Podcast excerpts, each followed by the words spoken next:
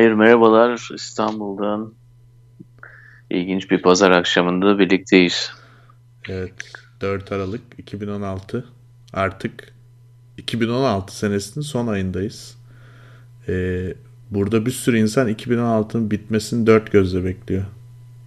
Bilmiyorum Türkiye'de bir de. ay daha sabredeceksiniz arkadaşım. Evet yani böyle günleri sayıyor herkes artık yeter artık bir haber daha gelmesin diye. Ee, ama bugün en azından benim için e, küçük de olsa güzel bir haber. Avusturya'da başkanlık seçimlerini eski Yeşiller Partisi'nin milletvekili tabii artık orada da başkanlık, cumhurbaşkanlığı partiden bağımsız olduğu için partiyle alakası yok artık ama yine de e, çevreci, liberal, solcu bir aday kazandı. Van der Bellen. Peki tamam çok güzel. Liberal solcu bir aday kazandı. Hani böyle kulak meyvesi kıvamında uyuyor hı. yani dedikleri senin mizacına uyabilir. İtalya'daki durum hakkında ne diyorsun? İtalya çok daha karışık abi. Çünkü e, orada yani ortam tamamıyla karışmış durumda. Bu Five Star Movement e, biz seneler önce konuşmuştuk değil mi? Occupy Wall Street zamanında konuşmuştuk. O zamanlardan çıkan bir hareket zaten. E, oradaki onların yani böyle Avusturya'daki e, köklü aşırı sağ gibi bir durumları yok.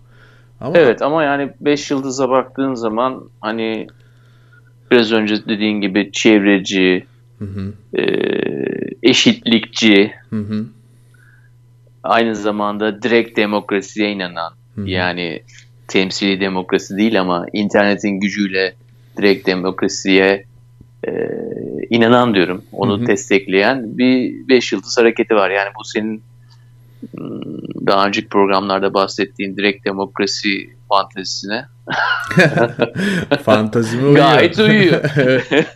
Ama onların şöyle bir sorunu. Şimdilik bir fantezi.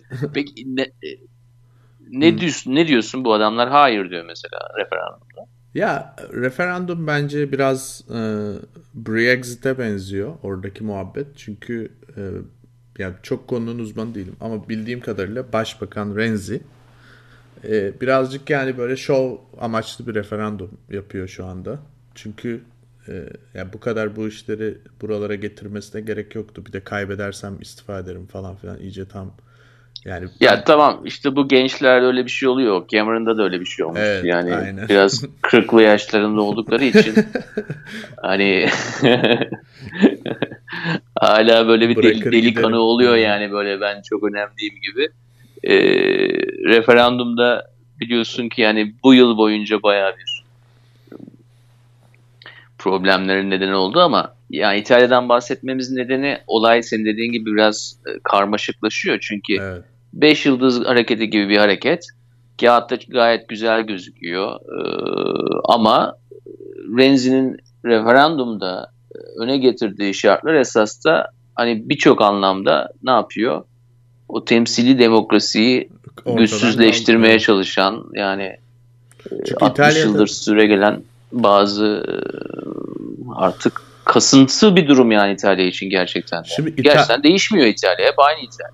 Evet. E niye 5 yıldız o zaman hayır diyor buna? E, çünkü şundan bence ya şimdi Renzi benim bildiğim kadarıyla İtalya'da iki tane parlamento var. Biraz Amerika'ya benziyor. İki parlamento ikisi de eşit yani birbirine Eşit. çok eşit. Evet okey. Bir İkisi- tanesini daha güçsüzleştiriyor. Evet çünkü ne diyor? İşte diyor ki gücü konsolide etmemiz lazım.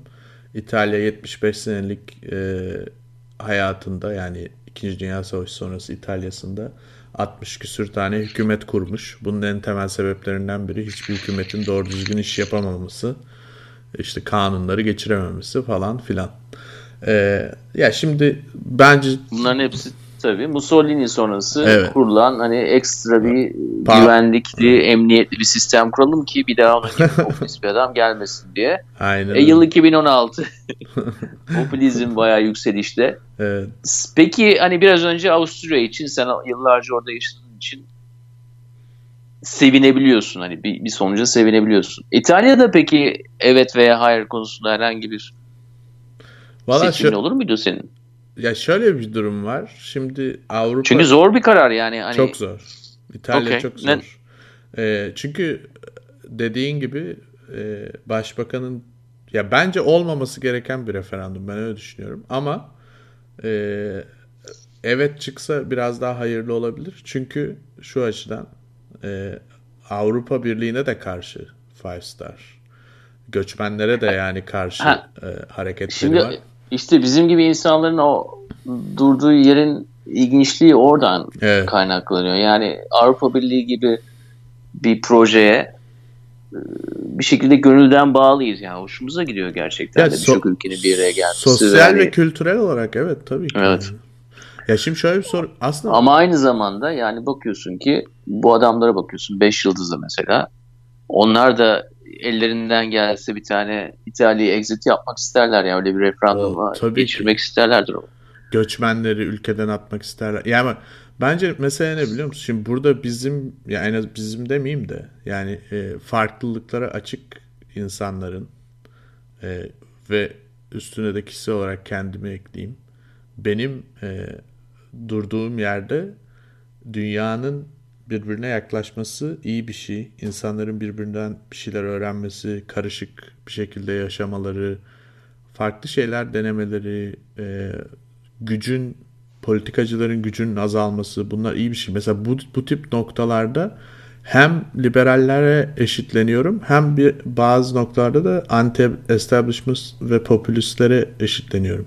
Fakat buradaki benim özellikle Avrupa'da ya da burada Trump'ta da olduğu gibi politika içinde olan Trump mesela çok farklı bir örnek bence gerçekten. Ama onun dışındakiler politikacı olarak popülist olanlar ben onların hiçbirine inanmıyorum da güvenmiyorum da. Çünkü vaat ettikleri şeyleri çok daha e, aşırı sağ emeller için kullanacaklarını düşünüyorum açıkçası. O zaman 5 yıldız için ne düşünüyorsun? 5 yıldız ilginç. O yüzden işte 5 yıldızda error veriyorum öyle diyeyim sana. Çok güzel evet. ya biraz Ama öyle yani... gerçekten error verecek bir durum var orada. Yani başındaki palyaço böyle gakkuk konuşuyor. Evet. Ee, ama adama bakıyorsun gayet antidemokratik yani evet. kim varsa zaten partide partide demiyorlar ya Trump'ınki gibi. Hareket diyorlar. Hareket. Silip süpürüyor. Hı hı. E, pek de hoşuna gitmiyor. E, ama aynı zamanda işte anti Avrupa işte biz tekrar şeye pro, dönmeliyiz. Pro Russia. Euro bizi evet pro Russia. Gerçekten bir de şimdi öyle bir şey çıktı yani biliyorsun. Ee, Avrupa... Yani ne kadar güzel diyorduk. Dünya ikiye ayrıldı. Bir tarafta onlar var, bir tarafta bizler var gibi böyle e, içerisine girmiştik ama ya arada herhalde... böyle İtalya gibi error veren durumlar ortaya çıkıyor. Hayır, e, ya ben aslında asen demci değilim ama e, ya herhalde dünyanın yine bu kutuplaşmaya bakarsan özellikle yani Amerika ve Rusya arasındaki şu anda e, yani demek ki hiç soğuk savaş bitmemiş yani aslında. E, çünkü Rusya'nın özellikle yeniden bu hale gelmesi yani daha tabii böyle e, otoriter bir rejimlere dönüştü ikisi de. Ama e, bilmiyorum böyle ya dünya tarihinde zaten 1989'dan 2016'ya kaç yıl var Çok bir şey yok. Yıl. Doğru diyorsun. Yani dünya tarihinde bir şeyden ibaret herhalde bu. Evet. bir dalganın gidip gelmesinden ibaret evet. yani iki saniyede bir dalga gidip gelir. Ya şimdi 5 Yıldız Hareketi yayınladığı yalan yanlış haberler işte parti içi demokrasiye karşı olması göçmenlere karşı yani çok ırkçılık seviyesine varan bir takım paylaşımları vesaireleri var. O yüzden tabii ki yani onlarla aynı çizgide olmak mümkün değil. Ama bir yandan da asıl sorun şu tabii ki establishment dediğimiz yani 20. yüzyılda kurulmuş 2. Dünya Savaşı politik sistemlerinin büyük bir yozlaşma ve büyük bir yolsuzluk içinde olması sosyal demokratından orta sağına işte atıyorum hatta yeşillerini bile katabilirsin bazı ülkelerde buna dahil olması ve bu, bu sistemin böyle böyle gelmiş böyle gitsin diye diretmesi. O noktada da bu tip popülist hareketler e, tabii ki benim en azından politik reformları istediği için, politik reformları desteklediği için e, aynı çizgideymişiz gibi durmamıza sebep oluyor. Ama e, yani temel felsefede uzlaşabileceğim bir hareket değil 5 yıldız benim için. Çünkü gayet gayet iyi açıkladım bence. Evet. Olay biraz e, İkinci Dünya Savaşı oluşan 1945 sonrası dünyadaki yapı taşlarının Evet. kaç yıl oldu artık? Herhalde bir 75. 70 yıl sonra evet 70 yıl sonra artık e, tökezlediği bir zamana geldik. E biz de yani 5 yıldır burada konuşuyoruz. Birçok söylediğimiz şey zaten anti-establishment yani. Evet. E, politikayla ilgimiz tabii ki podcast seviyesinde ama Hobi olarak. Öyle öyle kalacağını umuyorum. Kendi hayrımız açısından. Adaptasyon hareketi olamaz mıyız yani biz? Onur bak mesela ne biliyor musun? Bence e, benim içimden yani elimde bir kanıt falan yok da hissiyat olarak hepimiz bence birçoğumuz anti-establishmentçıyız artık. Yani gençler özellikle ya da kendini genç hissedenler diyelim. E, herkes anti-establishmentçı. Ama establishment bittikten sonra ne olacak? Orası önemli. Bu tip adamlar, Five Star, işte Trump vesaire bunların niyeti bozuk yani. Yani establishment'ı kaldıracağız da sonra yerine ne gelecek o da önemli. Şimdi hali hazırda... Evet yani ben bence oradaki durumumuz evet. realist bir yerden bak bakıyoruz evet. tabii olaylara. Yani yoksa hani Hillary Clinton'ı desteklemek işte Renzi referandumunda da büyük ihtimalle hani evet çıksın isteriz. Yani evet. olmama ihtimalinin çok yüksek olduğunu biliyoruz ama.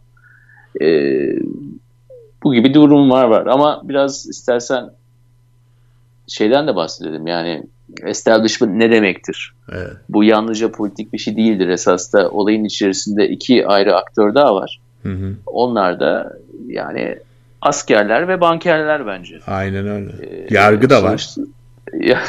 yargı da var ama Tabii ki. askerlerle bankerler arasında çok ilginç bir ilişki var. Bu da şu an aklıma geldi.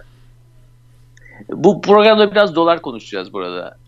Şu ana kadar anlamamış olabilirsiniz çünkü bu pazar hani ilginç bir pazar. İki tane Avrupa ülkesinde Yarın e, dolara da seçim var. yapacak o yüzden. yarın evet gerçekten yarın hatta şu an belki de yapmaya başladı Avustralya'da, Yeni Zelanda'da bir yerlere inip çıkıyor. E, ama Nixon diyelim. Ben sana şöyle bir söyleyeyim bak. Hı hı. Konuları birbirine karıştırmak gibi olmasın ama 70'lerin başında altından dolara geçmek e, bunu çoğu insan da söyleyecektir ama hani Vietnam Savaşı'na bir şekilde para aktarabilmek için, para kaynağı yaratabilmek için e, yapılmış bir hareketti. Hı hı. E, Amerika'nın da o ana kadar hani 2. Dünya Savaşı'ndan 1945'ten 1972'ye kadar da gerçekten de hem hem verimlilikle süslenmiş hem de e, dünya üzerindeki e, batıda ve doğuda hiçbir şekilde e, hani eşi benzeri görülmemiş bir güce sahipti oradaki işte 20 27 28 yıl içerisinde. Ama bundan sonra Nixon'ın yaptığı ki hani Nixon çok iyi bilinmez bir başkan olarak ama Amerika'yı daha da güçlendirdi. O güçlenmesinin nedeni de doların rezerv bir e, para birimi para olarak birimi. dünya üzerinde işte 45 yıldır kullanılmasına sebep oldu. Şimdi evet bugün dolar konuşacağız. Ama dolar konuşmamızın nedeni hani yükselecek mi azalacak mı değil tabii ama bütün bu finans içerisindeki olan şeylerin e, hem politika olması ve aynı zamanda da tabii e, savaşla ilgili olması, orduyla evet. ilgili olması. Çünkü para diye bir şey yok. Onun evet. için para çok politizedir.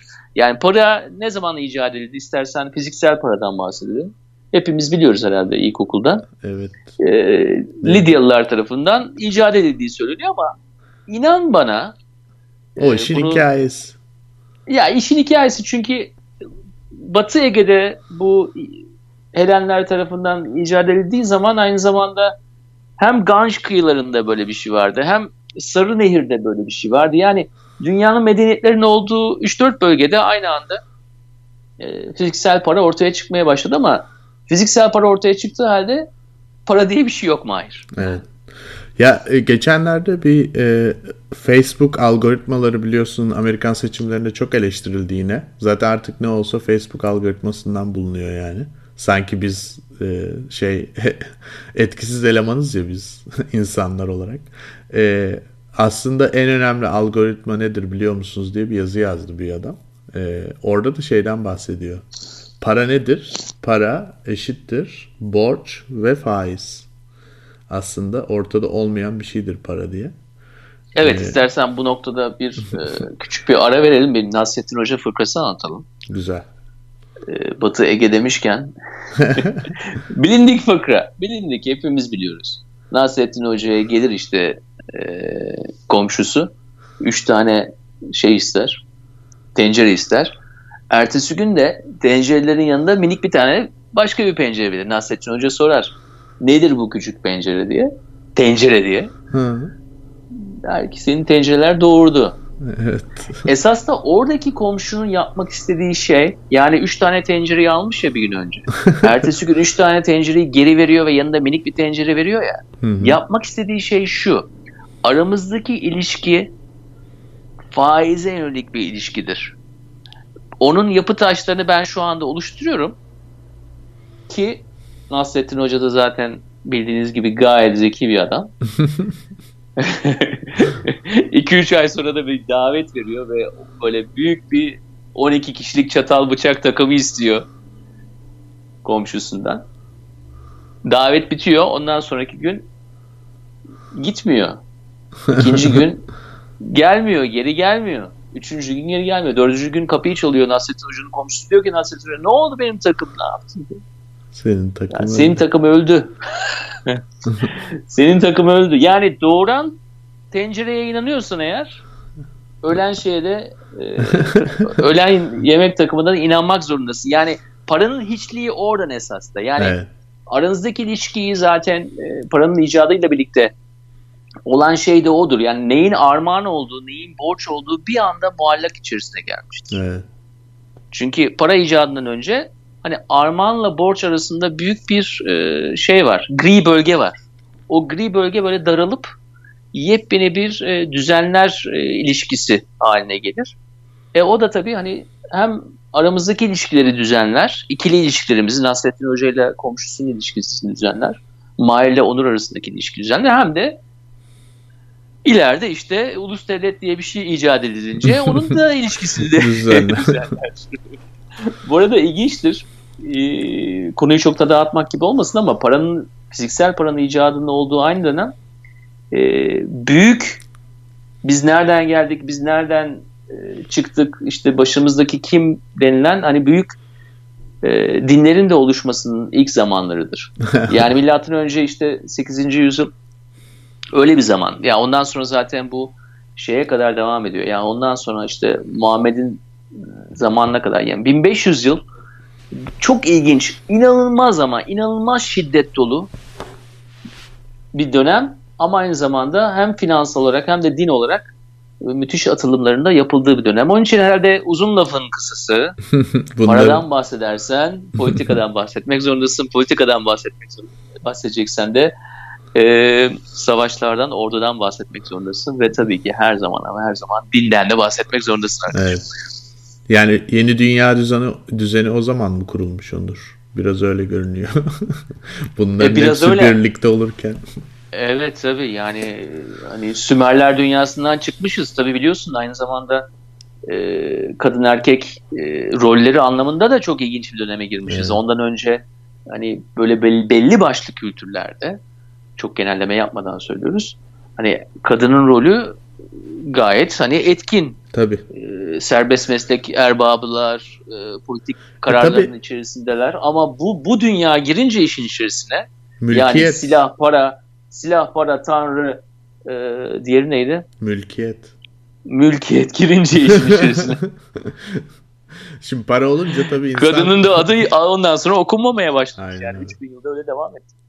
Evet şimdi bence bu güzel bir giriş oldu. Gerçekten yani e, hani insanlar şu son günlerde özellikle yani uluslararası basına bile çıktı artık hani e, Cumhurbaşkanımızın dedikleri e, her gün bir şey dediği için İngilizce bile çeviriyorlar artık anında. E, ama herkes şeye takılıyor hani böyle 3.50 oldu 3.55'i zorluyor bugün işte bir de band lafı var ya 3.60 bandını görebilir falan. Ee, ama onun dışında gerçekten sen de dediğin gibi geniş bir çerçeveden alırsak olayı aslında burada e, ilişkiler, güven e, ve de e, gelecekle ilgili olan kaygılarla ilgili bir e, durum var ortada ve bu sadece Türkiye ile ilgili değil. Türkiye'nin özelinde bir sürü sıkıntılar var ama dünyada da neredeyse artık e, euro dolar bire bire eşitlenmek üzere gibi görünüyor. Değil mi?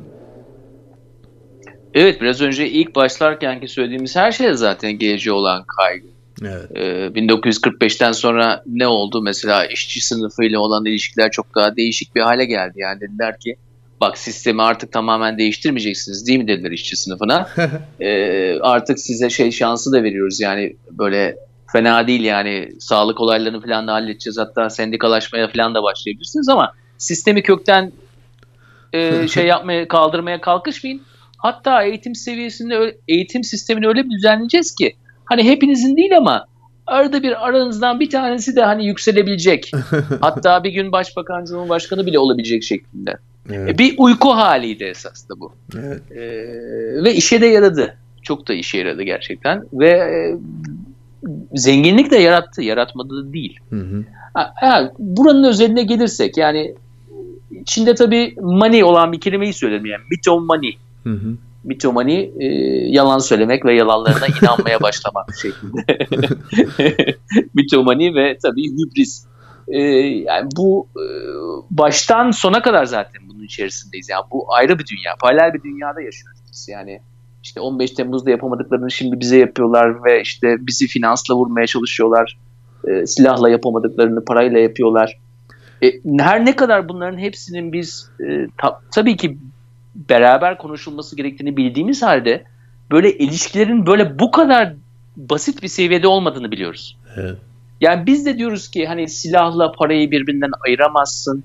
İşte işin içerisinde dini de ayıramazsın. Yargı yani bunların 4-5'ini aynı potada eritmeyi biliyoruz ama 15 Temmuz'da yapamadıklarını şimdi bize böyle yapmaya çalışıyorlar demek hı hı. esas da olayın o ruhuna çok büyük bir e, saygısızlık. Evet. Çünkü işin hani ana maddeleri olarak haklısın. Yani bu, bütün bunların arasında bir ilişki var ama konsept olarak ilişki var. Ama birebir bir ilişki yok. Ama nedensellik yani o, o zaman paranormal bir aktivite içine giriyorsun. Yani olmayan bir şeyi varmışçasına göstermeye çalışıyorsun. Evet. Nedensellik. Yani aslında bu biliyorsun çok istatistik biliminde de birinci sınıf dersidir yani. Ee, nedensel... Aralarında korelasyon olması. korelasyon ve nedensellik. yani biz korelasyondan bahsediyoruz bu programda o yüzden. Ee, neyse e, işin tabii çok inanılmaz magazin tarafları var. Osmanlı Spor e, teknik direktörü 20 bin dolarım var. Devletim alsın helali hoş olsun falan demiş. Ee, hani çok Onur bilmiyorum sende de varsa artık bir şeyler 3-5 kuruş çıkıver yani. Ya benim bütün para dolarda ben ne yapayım mesela? Ben de mi bozursam? Senin fazla bir şansın yok tabii oralarda. Seni suçlamıyoruz. Hatta yani vatanı ihanetten de yargılanmayacaksın bundan dolayı. Çünkü Çünkü yani ben dolar bakkala gittiğin zaman dolar harcamak zorundasın. Evet maalesef yani ama. Nedense Türk lirası almıyorlar orada. Evet. Ee... Altın külçesi de almıyorlar. Hayır bu, bu bu tip çağrılar mesela Borsa İstanbul işte ne kadar olduğunu bilmiyoruz ama belli bir miktar yani bayağı bir miktar olduğunu tahmin ediyoruz. E, bütün e, keşini e, Türk lirasına çevirmiş nakdini. Bu tip çabalar bir şey etkili etkili etkili ama psikolojik anlamda etkili ee, ve hani politik emeller anlamında etkili yoksa o o davranışların kendisinin doları düşürme diye bir şey söz konusu bile olamaz. yani çünkü rakamlar o kadar küçük ki. Evet. Hani Osmanlı sporun teknik direktöründen bahsetmiyorum ama ima işte biz e, İMKB mi diyorlar, biz mi diyorlar? Borsa Borsanın parasının için rakamlar çok küçük. Yani Japonya'daki böyle e, ev hanımı küçük bir yatırımcı bile 1'e 200 borç alıp e, o rakamı neredeyse e, şey yapabilir. Evet. E, yani ne yapar? Kadının 1 milyon doları vardır 200 milyon dolar otomatikman biliyorsun 200 milyon dolar işlem yapabilirsin. Ee, ve ne yaparsın? İşte bizim borsanın 900 milyon doları varsa 3 tane hanım bir araya gelir. Ee, onlar yapar yani. Onu eşitlerler. Yani sen dolar satarsın onlar da Türk lirası satar. Yani bu kadar basit bakılamaz hiçbir şekilde ama psikolojik anlamda çok etkilidir tabii. O da politik emeller dahilinde. Yani hmm. sen dersin ki yine nedensellik ve korelasyonu birbirine karıştırırsan ki hani bunu yapmanın hiçbir sana kötü bir yanı yok çünkü insanlar anlamıyor arasındaki farkı. Dersin ki işte aa biz bunu dedik Ondan sonra dolar düştü. Evet. E, tamam o zaman yani ne diyeceksin ki? e, bize olan ikinci e, işte Kurtuluş Savaşı'nı galip bitirdik dersin. Ama tamam hocam yaptın yani sen yaptın dersin. O zaman 3-4 ay sonra başka bir referandum olur. Ona göre oy çakarsın. Evet. Ama eğer sen bana matematiksel olarak bunların bir etkisi olur mu diye sorarsan sana yanıtım yalnızca hayır olacaktır. Peki şunu da sorayım o zaman. Ee, bu Rusya, Çin, Şangay Beşlisi biliyorsun artık e, pusulamız doğu olduğu için. Ee, Biliyorum ben zaten hayata alışamıyorum. Sen oradasın ama aramızdaki saat farkı 8 oldu. Ben sabah sabahın köründe uyanıyorum. Ee, etrafı yani kapkaranlık. Geçenlerde Zaytun Zaytun'da bir haber vardı. Sabah erken kalkan e, iş işe gitmeye çalışanlar seks işçisi diye tutuklandılar diye. e, sabah çok karanlık olduğu için oto, otoyolun yanında servis aracı beklerken e, gerçekten öyle bir durum da var sanırım Türkiye'de. Ama işin ilginci de Weberian bir şekilde bizi o protestan etiği içerisine sokuyor yani böyle sabahleyin erken kalkacaksın hatta akşam eve karar hava kararmadan eve geleceksin gibi biraz beş vakite bağlıyor gibi bir durum da var. Evet. Yalnızca bizim işte Şangay Beşlisi'ne monte olmamız değil bu. E, günü konum açısından farkındaysan yaz saati uygulaması kaldırılmadı. Yaz saati uygulamasındayken e, yaz saatinde kaldık. Yani bir şekilde biyolojik olarak biyolojik olarak sistemimizdeki e, artık hani kaç milyon yıldır olan evrim bir şekilde. Hani eskisinde kalsak anlayacağım diyorsun ama yaz saatinde kalınca daha da ilginç oldu yani. Çok fena oldu. Yani depresyona birebir hocam. Yani ya antidepresan e, olan ilaçların şeylerini almışlar, hisse senetlerini almışlar. e, olur mu böyle? Neyse. E, şunu diyecektim. Son e, sonlara gelirken son soru bu olsun hadi. E, Rusya, Çin, İran gelin biz aramızda sen rubleyle öde ben Türk lirasıyla ödeyeyim falan. E, bu iş bu iş olur mu? Ee, olur. Sonuç Ama verelim. yani yarın olmaz. Ama zamanla olur. Yani ee, aslında oradaki bak, mantık yani rezervi bir şekilde cevap vermek istiyorum esasında. Yani e, adamın Yo. dediği hani çok dünyanın en en saçma şeyi değil mi? Hayır. Yo, yani ben... diyor ki iki ülke aralarında alışveriş yaparken artık rezerv olan dolar yerine başka şeyler kullanılmaya başlasın. Hı hı. Bu bu evet. Saddam da bunu demişti 2000 yılında. Evet. Ee, hatta İran'la Irak'ın nadir anlaştıkları durumlardan bir tanesidir o. 2000-2001'de hem Irak hem İran e, işte artık dolar kullanmayalım, şunu euro kullanalım falan demişlerdi. Ve sonra zaten şey çıktı. Körfez Savaşı başladı. ya, ya o anlamda haklı. Ya bakın şöyle söyleyelim. Ya gerçekten de çok çok büyük bir hegemonya. Hı hı. 1970'lerin başından beri e, Amerikan devletinin e, gücü, devlet olarak gücü bu sistem sayesinde olduğundan çok daha fazla bir şekilde gösteriliyor. Evet dünyanın her yerine 3 dakika içerisinde bomba bırakıp orayı tamamen sıfırlayabilirler. Bu doğru. Ama esas güçleri bunu yapabildikleri için değil. Esas güçleri bizim dünyadaki herkesin Amerika'nın geleceği için onlara borç vermemizden geliyor. Ve biz bunu bilerek ve evet. isteyerek yapıyoruz. Ha bu sistem aynı zamanda programın başında bahsettiğimiz İkinci Dünya Savaşı kurulan ve aynı zamanda e, elit dediğimiz, establishment dediğimiz e, grubun artık masonlar mı yoksa Illuminati mi bunlar? Yoksa esas birbirleri arasında kar- karanlık güçler mi? Hiçbir değil esasında. Yani sistem böyle gelişti. Ve bunun bazı insanlara gerçekten de çok büyük bir yararı var ve özellikle Amerika Birleşik Devletleri'ne çok büyük bir yararı var. Ha bu ilelebet devam mı edecek?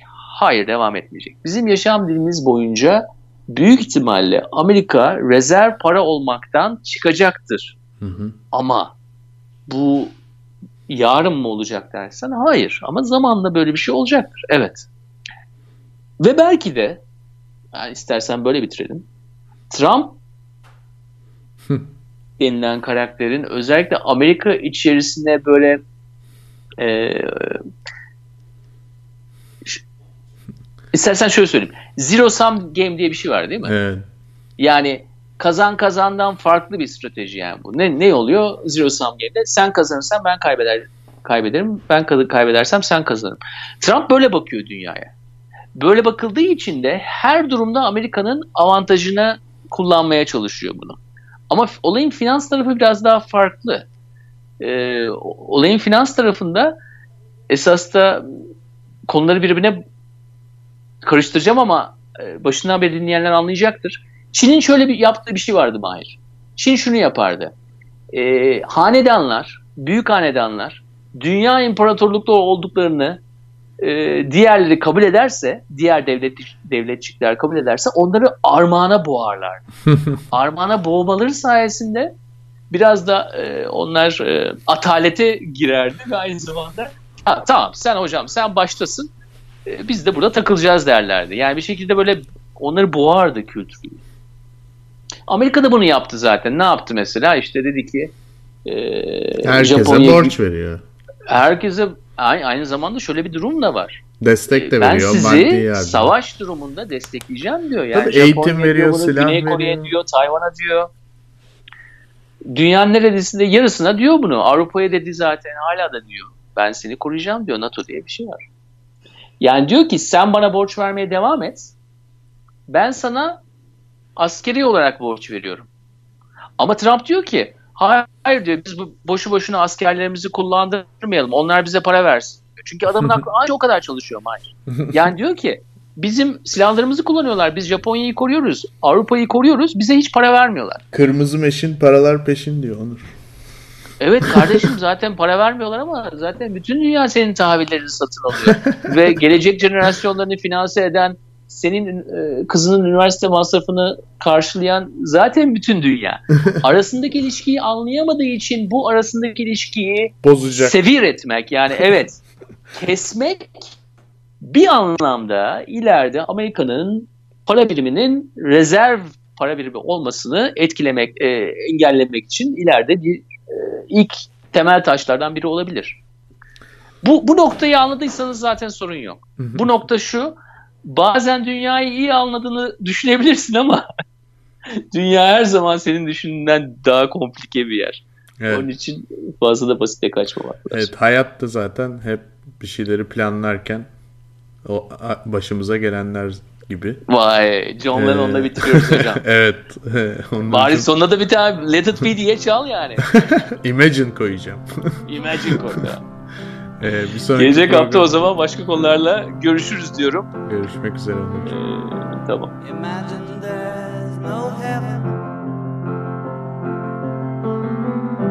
Sees if you try